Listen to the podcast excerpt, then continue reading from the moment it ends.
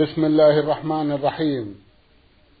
الحمد لله رب العالمين والصلاة والسلام على نبينا وسيدنا محمد وعلى آله وصحبه وسلم. اللهم صل عليه مستمعي الكرام السلام عليكم ورحمة الله وبركاته.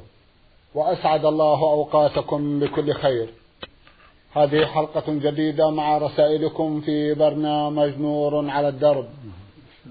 رسائلكم في هذه الحلقة نعرضها على سماحة الشيخ عبد العزيز ابن عبد الله بن باز المفتي العام للمملكة العربية السعودية ورئيس هيئة كبار العلماء. مع مطلع هذه الحلقة نرحب بسماحة الشيخ. ونذكر له تفضله بإجابة الإخوة المستمعين فأهلا وسهلا. حياكم الله وبارك. حياكم الله. أولى رسائل هذه الحلقة رسالة وصلت إلى البرنامج من أحد الإخوة المستمعين آثر فيها عدم ذكر اسمه. أخونا يسأل جمعا من الأسئلة.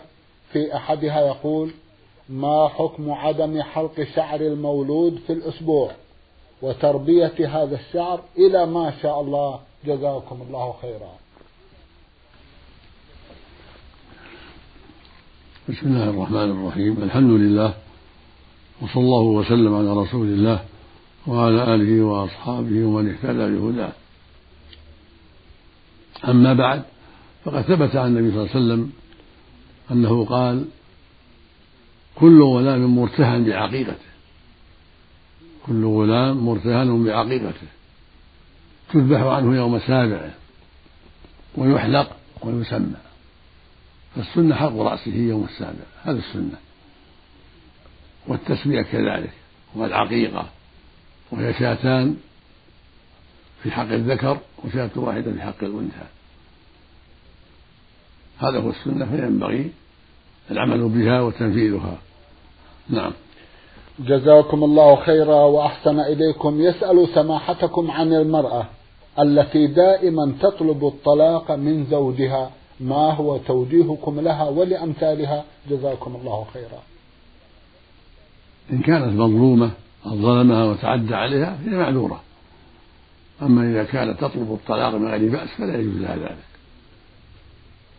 يقول النبي صلى الله عليه وسلم أي امرأة سألت سألت الطلاق من غير ما بأس لم ترى رائحة الجنة. كن تطلب الطلاق من غير علة شرعية لا يجوز.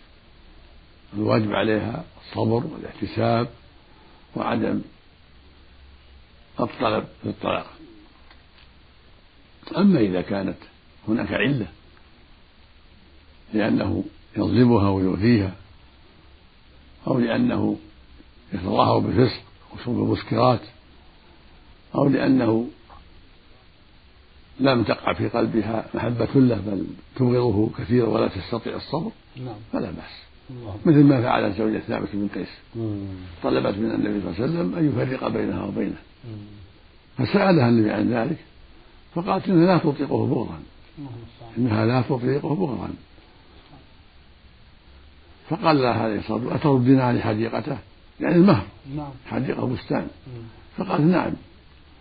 فأمره أن يقبل الحديقة ويطلقها تطليقا والعلة أنها لا لا لا تستطيع البقاء معه من أجل البغض.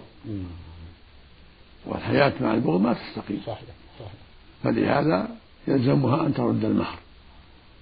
فإذا ردت المهر فعليه يطلق. والله يقول سبحانه وإن يتفرقا يغني الله كل من سعته وكان الله واسعا حكيما. وهكذا إذا كان يتعاطى السكر أو معروف بالتساهل في الزنا وتعاطي الفحشاء هذا لها عذر نعم. لأن البقاء معه يضرها. أما إن كان لا يصلي فلا يجوز لها البقاء معه. إذا كان لا يصلي فالواجب عليها الامتناع منه وعدم تمكينه من نفسها. لأن ترك الصلاة كفر أكبر على الصحيح. وإن لم يجهل وجوبها. لقول النبي صلى الله عليه وسلم بين الرجل وبين الكفر والشرك ترك الصلاة. وقوله عليه الصلاة والسلام العهد الذي بيننا وبينهم الصلاة فمن تركها فقد كفر. فالأمر عظيم. فإذا كان لا يصلي فليس لها البقاء معه. نسأل الله العافية والسلامة. نعم. جزاكم الله خيرا وأحسن إليكم.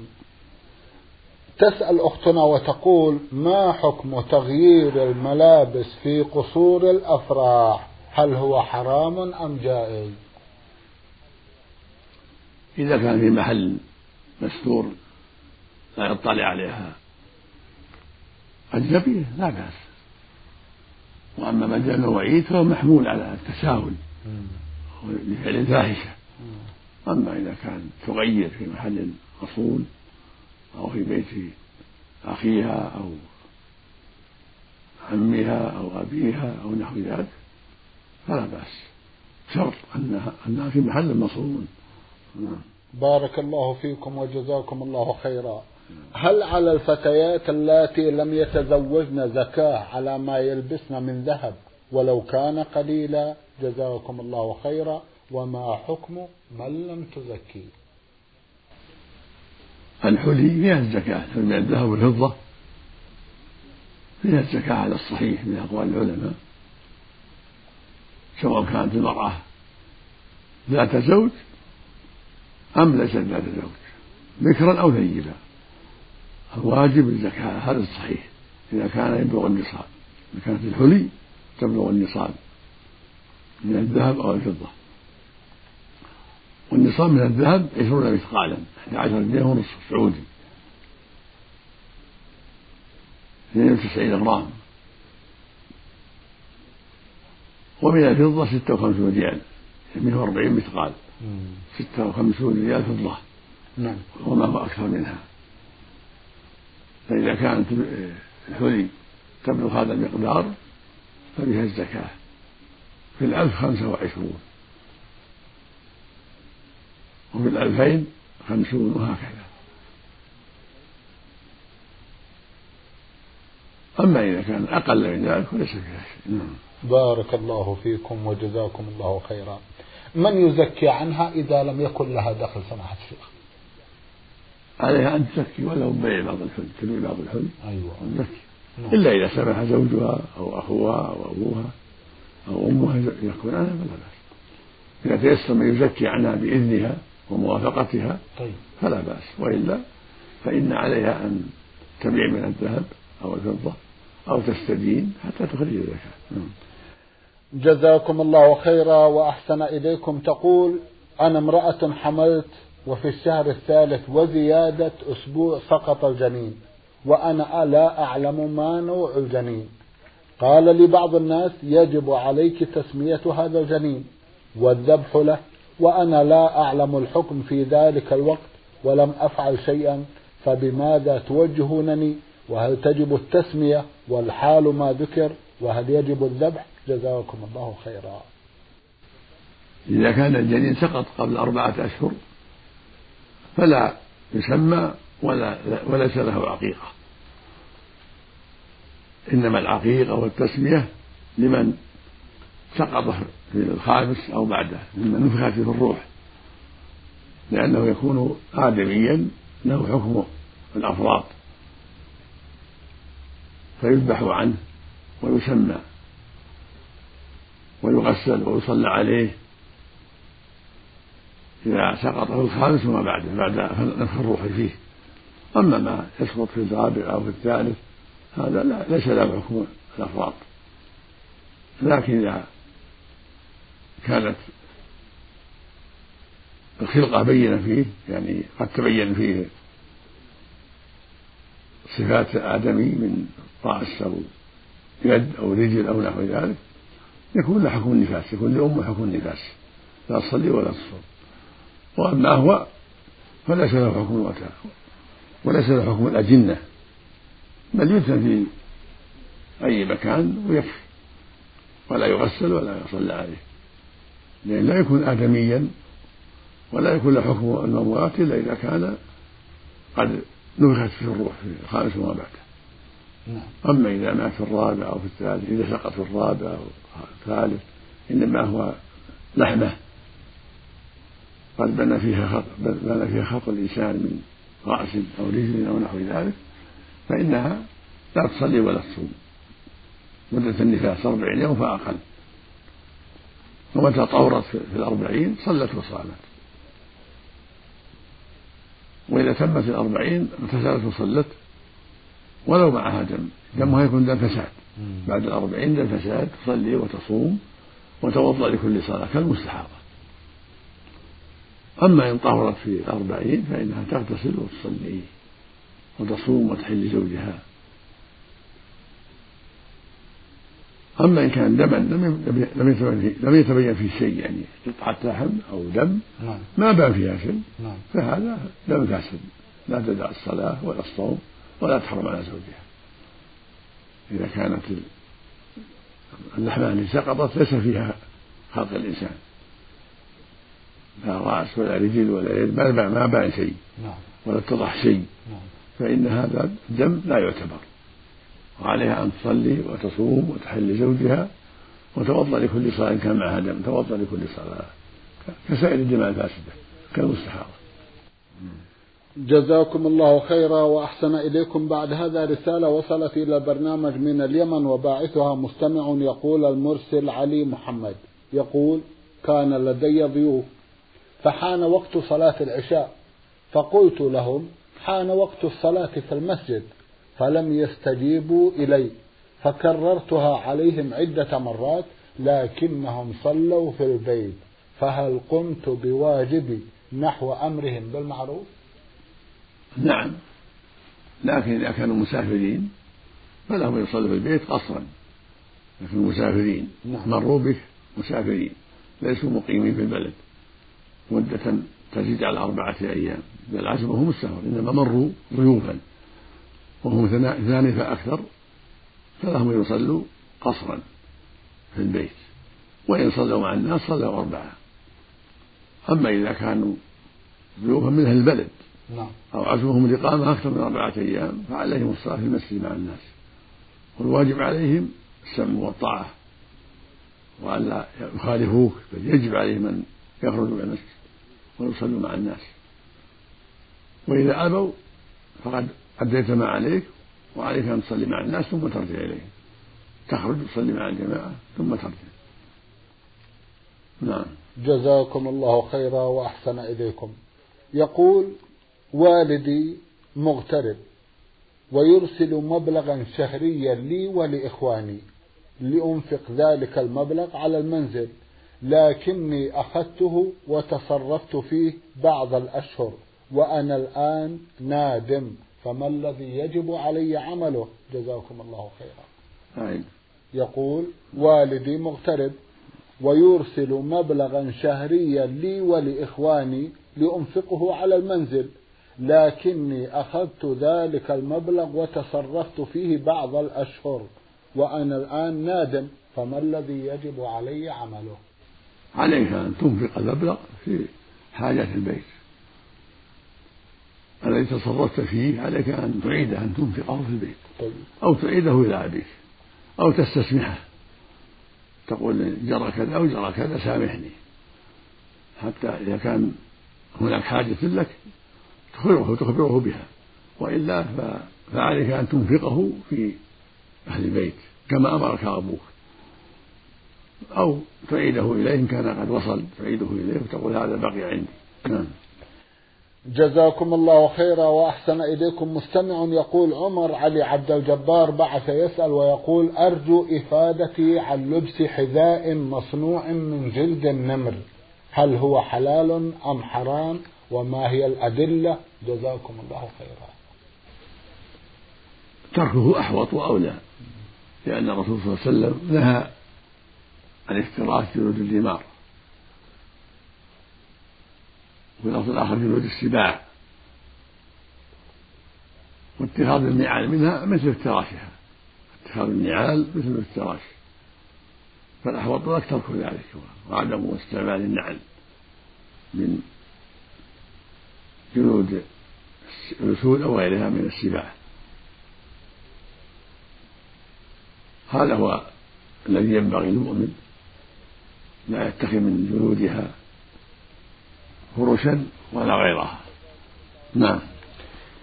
جزاكم الله خيرا وأحسن إليكم. المستمع جعفر الفاتح بعث يسأل ويقول أثناء طوافي بالكعبة مر صديق لي لم أره منذ فترة طويلة فسلمت عليه وسألته عن حاله فهل ما قمت به جائز أو لا؟ جزاكم الله خيرا. أثناء طوافي بالكعبة مر صديق لي لم أره منذ فترة طويلة فسلمت عليه وسألته عن حاله فهل ما قمت به جائز أو لا؟ لا حرج فيه والحمد لله. الله بعث في الطواف والحمد لله. نعم. جزاكم الله خيرا. نعم. عند الدخول في الحرم هل يلزمنا أن نؤدي تحية المسجد؟ الأفضل البدء بالطواف ثم صلاة ركعتين فإن لم يتيسر ذلك أو كان الإنسان عنده شيء من الكسل عن الطواف يصلي ركعتين تحية المسجد. فإن بدأ بالطواف فهو أفضل وإن صلى ركعتين وترك الطواف طواف النافلة فلا بأس.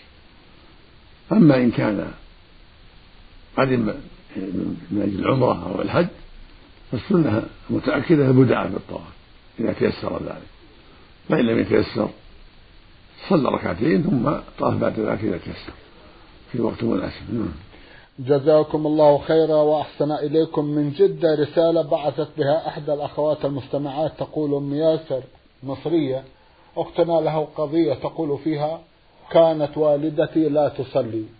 ثم إنا علمناها الصلاة والحمد لله واستجابت وداومت على الصلاة بفضل من الله. ثم إنها أيضا تخلصت من المعتقدات الشركية مثل الاعتقاد بنفع الموتى وما أشبه ذلك. إلا أن لنا والدا لا يصلي ولا زالت ترتبط به نفسيا ومعنويا. فما هو رأي سماحتكم في هذا الموضوع؟ جزاكم الله خيرا. الحمد لله على هدايتها ولكن ليس لها أن تمكن زوجها الذي لا يصلي من نفسها لأن ترك الصلاة كفر أكبر فعليها أن تبتعد عنه وأن تخبره بأنها لا تحل له وأخبروه أنتم أيضا حتى يتوب.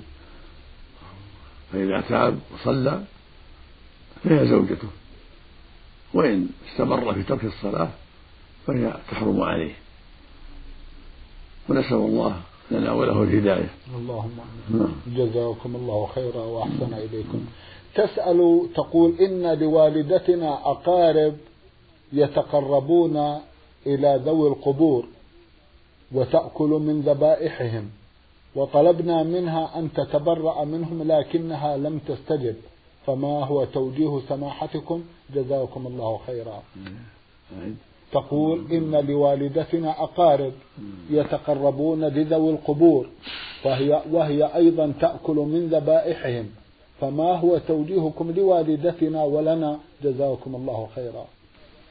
الذين يتقربون إلى أصحاب القبور بالدعاء أو الاستغاثة أو الذبائح مشركون لا تكل ذبيحتهم. فالواجب ترك ذبيحتهم والإنكار عليهم ودعوتهم إلى الله وتوجيههم إلى الخير لعلهم يهتدون. الله سبحانه وتعالى حرم ذبيحة الكافر إلا أهل الكتاب وهم اليهود والنصارى إذا ذبحوها لغير آلهتهم بل ذبحوها للحم. وذكروا اسم الله عليها. أما عباد القبور ودعاة الأموات والمستغيثون بالأموات هؤلاء ذبيحتهم حرام. فالواجب الحذر من أكلها مع دعوتهم إلى الله وإرشادهم وتعليمهم. لعل الله يهديهم بأسبابهم. جزاكم الله خيرا وأحسن إليكم. تسأل عن علاقة والدتهم بأولئك سماحة الشيخ. وهل يعتبر هذا مؤثر على دينها؟ تسأل عن علاقة والدتها بأولئك بأولئك الذين يتقربون للموتى وبوالدهم الذي ذكر الصفة ثم تقول هل يؤثر ذلك على معتقدها؟ على كل حال الواجب عليها الإنكار والتعليم ولا يضرها إذا أنكرت عليهم وعلمتهم نعم. فقد أدت ما عليها والحمد لله الحمد لله. أما الوالدة فكيف يكون معتقدها؟ عليها تعليم عليه عليها تعليمها وإرشادها وتعليم الوالد والاستعانة بأهل الخير الذين عندهم علم نعم. حتى يساعدوها في دعوتهم إلى الله والإحسان إليهم. الله قال جل وعلا في حق ولد الكافرين قال وصاحبهما في الدنيا معروفا فعليها أن تحسن إليهما وأن ترفق بهما وأن تخاطبهما بالتي هي أحسن مع الجد في دعوتهما إلى الخير والاستعانة بالناس الطيبين في دعوة والديها للخير من العلماء والأخيار لعلهما يهتديان. نعم. جزاكم الله خيرا وأحسن إليكم. إذا كان والدها متوفيا فكيف يكون تصرفهم حينئذ؟ لا يدعون له ولا يستغفرون له. إذا مات على الكفر نعم. لا يدعى له ولا يستغفر له. لأنه مات على الكفر. قال الله تعالى ما كان النبي والذين آمنوا أن يستغفروا المشركين ولو كانوا ولي قربى. المقصود أنهم لا يستغفرون لهم. ولا يدعون لهم ولا يصدقون عنهم. بعدهم ماتوا على عبادة القبور والاستغاثة بالأموات ونحو ذلك. نسأل الله العافية. جزاكم الله خيرا وأحسن إليكم. تقول عن نفسها زوجي مسرف وليس عندنا سكن فهل يجوز أن أخفي عنه بعض النقود الزائدة عن حاجتنا لإعداد السكن لنا ولأولادنا وخاصة أن لي مالا خاصا أضعه في مصروف المنزل منعا للمشاكل جزاكم الله خيرا. تقول زوجي مسرف وليس عندنا سكن فهل يجوز أن أخفي عنه بعض النقود الزائدة عن حاجتنا لإعداد السكن لنا ولأولادنا خاصة؟ وأن لي مالا خاصا أضعه في مصروف المنزل منعا للمشاكل هذا كلام طيب مأجورة ومشكورة إذا حفظت بعض المال نعم. الزايد وأخبرته بذلك حتى يشترى به منزل هذا طيب. إذا لا لا تقتر على أهل النفقة فإذا أنفقت عليهم الشيء اللازم والشيء المناسب فالإسراف لا خير فيه ولا يجوز. فتحفظ الزائد وتجعل معه ما يتيسر من عندها ولا بأس أن تعبه بعد ذلك حتى يشترى منزل ينفعهم جميعا. جزاكم الله خيرا وأحسن إليكم. لها قضية مطولة. بعض الشيء سماحة الشيخ تقول أخو زو تقول قام أخو زوجي بإقراض شخص مبلغا من المال وأخذ منه بعض الأجهزة الكهربائية ضمانا لهذا المبلغ رهن وتم الاحتفاظ بهذه الأجهزة عندنا كما طلب الطرفان. وقد طلبنا من صاحب هذه الأجهزة أن نستعملها طالما هي في طرفنا. فأذن لنا بذلك عن طيب خاطر فهل هذا حرام أم حلال؟ وخاصة أننا لسنا طرفا في الدين والنفع في هذه الحالة لم يعد على صاحب الدين بل علينا نحن. هل إذا ماطل المدين في السداد يجوز بيع هذه الأجهزة وفاء للدين؟ وخاصة أن هذا هو المتفق عليه من البداية. جزاكم الله خيرا. أعيد تقول قام أخو زوجي بإقراض شخص مبلغا من المال وأخذ منه بعض الأجهزة الكهربائية ضمانا بهذا المبلغ أي رهن وتم الاحتفاظ بهذه الأجهزة عندنا. كما طلب الطرفان وقد طلبنا من صاحب هذه الأجهزة أن نستعملها طالما هي في طرفنا فأذن, فأذن لنا بذلك عن طيب خاطر فهل هذا حرام أم حلال؟ وخاصة أننا لسنا طرفا في الدين والنفع في هذه الحالة لم يعد على صاحب الدين بل علينا نحن. هل إذا ماطل المدين في السداد يجوز بيع هذه الأجهزة وفاء للدين؟ وخاصة أن هذا هو المتفق عليه من البداية. جزاكم الله خيرا. الانتفاع بها بإذن صاحبها لا بأس به. لكن صاحب القرض لا لا ينتفع. لأنها قد يكون حيلة. أما غير صاحب القرض الذين عندهم الأجهزة وسمح لهم صاحبها فلا بأس. والواجب عليه قضاء الحق وعدم المماطلة. فإذا اضطر صاحب الدين أن يبيعها قد يراجع القاضي المحكمة. يراجع المحكمة حتى تأذن له وتبعث مندوبا يعني يعرف الحقيقة ويشرف على الحقيقة. المقصود أن البيع يكون مربوطا بالمحكمة إلا إذا تسامح ويا صاحب الحق إذا توافقوا ويا على بيعها بواسطة من كريان فلا بأس. إذا سمح صاحب الأجهزة أن تباع. أما إذا امتنع فلا بد مراجعة المحكمة. نعم.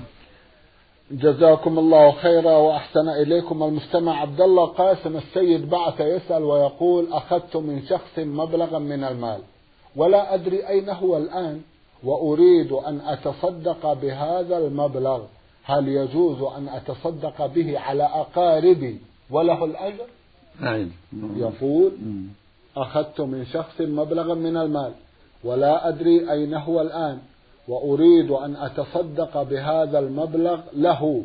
هل يجوز أن أتصدق بهذا المبلغ على أقاربي وله الأجر؟ نعم بأس تصدق فإن أجاز ذلك وإلا ترده إذا حضر وطلب حقه إن أجاز الصدقة فله الأجر وإن لم يجدها فكان الأجر لك وعليك أن تعطيه ماله. نعم. جزاكم الله خيرا وأحسن إليكم. يقول هل يجوز أخذ شيء دون علم صاحبه؟ علما بأن صاحب الشيء راض رام به في سلة المهملات بمعنى أنه لا يحتاج إليه. إن كان أراد به الحفظ محل يحفظ فيه فلا, فلا يجوز إلا بإذنه. أما إذا كان في محل مثل القمامة قد انتهى منه ولا, ولا يأخذه ولا رغب فيه فلمن أراد أخذه الأخذ. أما إذا كان المحل تحفظ فيه الحاجات ولو كان فيه تساهل لكنه ليس بتارك له وطائفة نفسه به بل إنما يجعله فيه لوقت ما. فلا بد من استئذانه وموافقته. نعم. جزاكم الله خيرا. هل يجوز الوضوء بماء قد تغيرت أحد أوصافه الثلاثة بطاهر؟ مثلا تغير بليمون أو بحليب أو بصابون مثلا. جزاكم الله خيرا. ما دام اسمه باقيا فلا بأس. ما دام اسمه ماء باقي. نعم. فله أن ينتفع به. ينتفع بالماء. أعيد العبارة يقول هل يجوز أن أتصدق بماء هل يجوز أن أتوضأ بماء تغيرت أحد أوصافه الثلاثة بطاهر؟ مثلا تغير بليمون أو حليب أو صابون أو ما شابه ذلك. إن كان يسير ما ما غير الماء يعني تغيير يسلبه اسم الماء فيه أشياء يسير من صابون أو غيره فالماء باقي. فلا بأس أما إذا كان صار حليبا أو صار صابونا أو صار نوعا آخر لا. ما ماء صار شيء آخر؟ كالمرق وكالشاي ما يجوز ما يجوز استعماله. لكن إذا كان شيء يسير خالط شيء يسير لم يسلبه اسمه. بل فيه شيء يسير من صابون أو غيره فلا بأس. أما إذا تغير صار صابونا أو صار سدرا أو صار شاهيا أو حليبا أو لبنا فلا يجوز استعماله ما ما ما ما يحصل به رفع الحدث ولا إزالة ولا إزالة النجاسة لأن اسم الماء ذهب عنه جزاكم الله خيرا وأحسن إليكم. مستمع يقول المرسل عودة مرعي الحويطي يسأل ويقول عندي مبلغ ألفين ريال وداعة لشخص. واشتريت بالمبلغ المذكور كاملا غنم. وبعد يومين بعت الغنم بربح إجمالي قدره 500 ريال وأصبح إجمالي المبلغ 2500 ريال. عندي نعم. عندي مبلغ 2000 ريال وداعة لشخص. اشتريت بالمبلغ المذكور كاملا غنم وبعد يومين بعت الغنم بربح إجمالي قدره 500 ريال وأصبح إجمالي المبلغ 2500 ريال. جاءني صاحب المبلغ فأعطيته ألفين ريال وبقي خمسمائة هل هذا التصرف جائز أم أن المبلغ كله لصاحب الألفين؟ جزاكم الله خيرا. إذا كان قد أذن لك أو تعتقد أنه يأذن لما لما بينك وبينه من الصحبة الأكيدة فالمبلغ لك الزعي وإلا فرد عليه الذبح لأنك لم تستأذن ولم تعلم منه حسب ما تعرفه من حاله أنه يسمح بهذا الشيء. والأمانة لا يستر فيها الإنسان إلا بإذن صاحبها إلا إذا اعتقد أنه يسمح له لأن بينه وبينه من الصلة ما يعتقد معه أنه لا لا يكره ذلك. فالحاصل أن هذا الربح يكون له لصاحب المال إلا إذا سمح لك أو أو كنت تعتقد أنه يسمح لك به ولهذا تصرفت. نعم. جزاكم الله خيرا. يسأل سماحتكم عن صلاة الكسوف. هل يجهر فيها بالقراءة أو لا؟ لا السنة الجهر صلاة الكسوف. لأن الرسول جهر فيها عليه الصلاة والسلام. نعم. جزاكم الله خيرا وأحسن إليكم. سماحة الشيخ في ختام هذا اللقاء أتوجه لكم بالشكر الجزيل بعد شكر الله سبحانه وتعالى. على تفضلكم بإجابة الإخوة المستمعين وآمل أن يتجدد اللقاء وأنتم على خير. نسأل الله مستمعي الكرام كان لقاؤنا في هذه الحلقة مع سماحة الشيخ عبد العزيز ابن عبد الله بن باز المفتي العام للمملكة العربية السعودية ورئيس هيئة كبار العلماء. شكرا لسماحة الشيخ. وأنتم يا مستمعي الكرام شكرا لحسن متابعتكم. ونحن في انتظار رسائلكم على عنوان البرنامج. المملكة العربية السعودية الرياض الإذاعة برنامج نور على الدرب. مرة أخرى شكرا لكم مستمعي الكرام وسلام الله عليكم ورحمته وبركاته.